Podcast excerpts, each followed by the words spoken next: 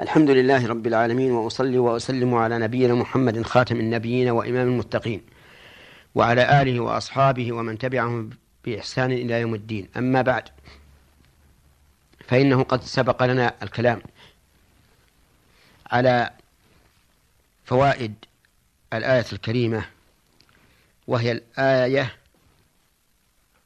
التاسعة عشرة بعد المئتين من سورة البقرة.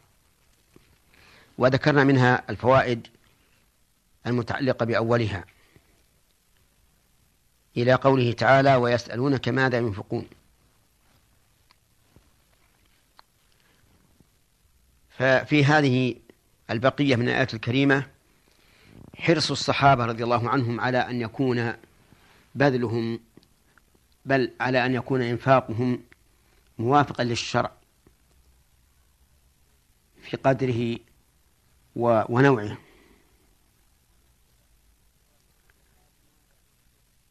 وذلك حين قالوا ماذا ننفق؟ يعني ما الذي ننفقه من أموالنا؟ أننفق كثيرا أم ننفق صغير قليلا؟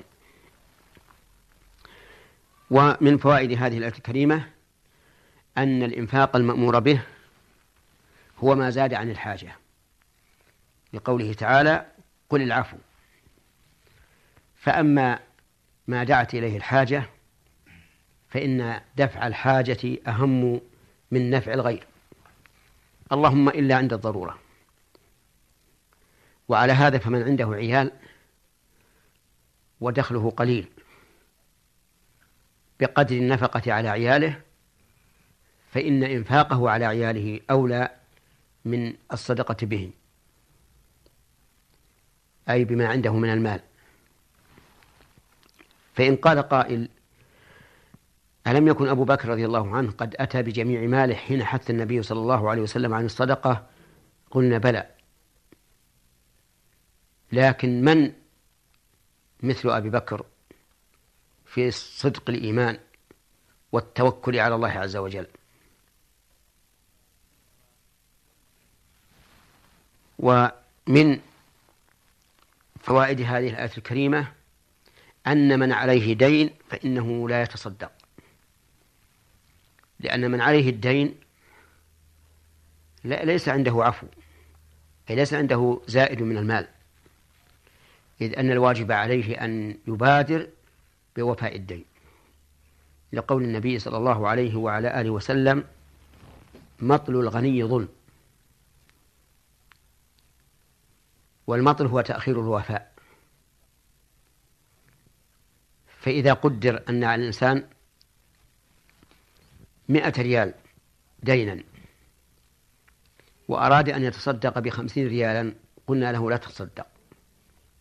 اقضي الدين أولا ثم تصدق لأن قضاء الدين واجب والصدقة من باب المستحبات. وكذلك يقال في من ذهب للعمرة أو للحج وعليه دين. فإننا نقول لا لا تعتمر ولا تحج حتى تقضي دينك لأن قضاء الدين واجب والعمرة والحج مستحبان.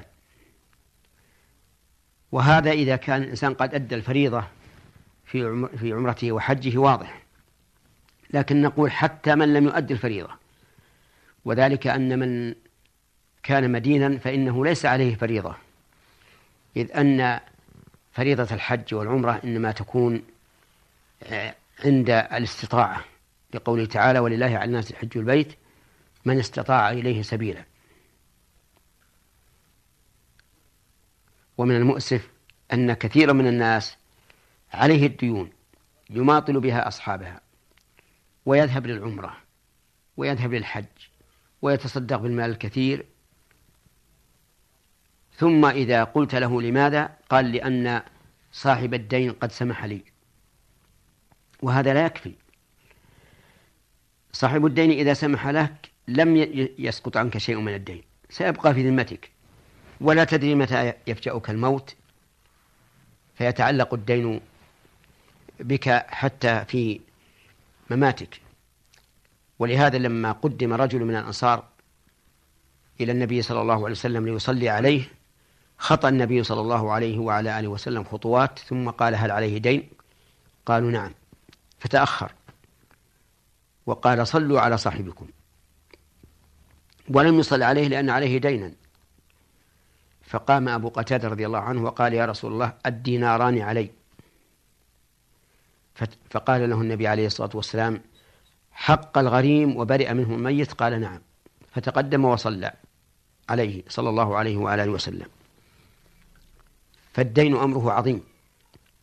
نعم لو فرض أن الدين مؤجل وأن الإنسان آه، قد وثق من نفسه أنه عند حلول الاجل يقضي الدين. فحينئذ نقول لا بأس أن تتصدق ما دام الدين لم يحل. أما إذا كان قد حل أو أن الإنسان غير واثق من نفسه فليقدم قضاء الدين. ومن فوائد هذه الآية الكريمة أن الله سبحانه وتعالى من على عباده ببيان الآيات لهم حتى يكونوا على بصيرة من أمرهم. فقال كذلك يبين الله لكم الآيات. ومن فوائد هذه الآية الكريمة أن القرآن الكريم ليس فيه ليس فيه ما يخفى معناه على أحد. من فوائد هذه الآية الكريمة أن القرآن الكريم ليس فيه ما يخفى معناه على كل أحد. إذ لو كان في القرآن الكريم ما يخفى معناه على كل أحد لم يكن بيانا للناس. وقد قال الله تعالى ونزلنا عليك الكتاب تبيانا لكل شيء. ومن فوائد الآية الكريمة أنه ينبغي للإنسان أن يسعى في تفهم معاني آيات الله الشرعية وهي ما جاءت به الرسل سواء كان ذلك في كتاب الله أو سنة رسول الله صلى الله عليه وعلى آله وسلم حتى تتبين له الآيات لأن تبين الآيات للإنسان يزيده إيمانا بالله عز وجل. والآيات نوعان آيات كونية كالليل والنهار والشمس والقمر والجبال والأنهار وغيرها وآيات شرعية وهي الوحي الذي جاءت به الرسل عليهم الصلاة والسلام. وكل هذا قد بينه الله عز وجل للناس بيانا شافيا. ومن فوائد الآية الكريمة الحث على التفكر في الآيات الكونية والآيات الشرعية لقوله لعلكم تتفكرون. ومن فوائد الآية الكريمة إثبات الحكمة فيما أرى الله عباده من الآيات. لقوله لعلكم لأن لعل هنا للتعليل.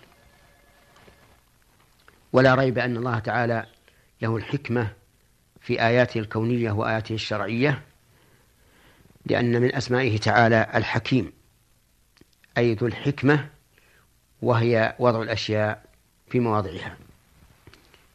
نسأل الله تعالى أن يؤتينا جميعا الحكمة فإنه من يؤتى الحكمة فقد أوتي خيرا كثيرا.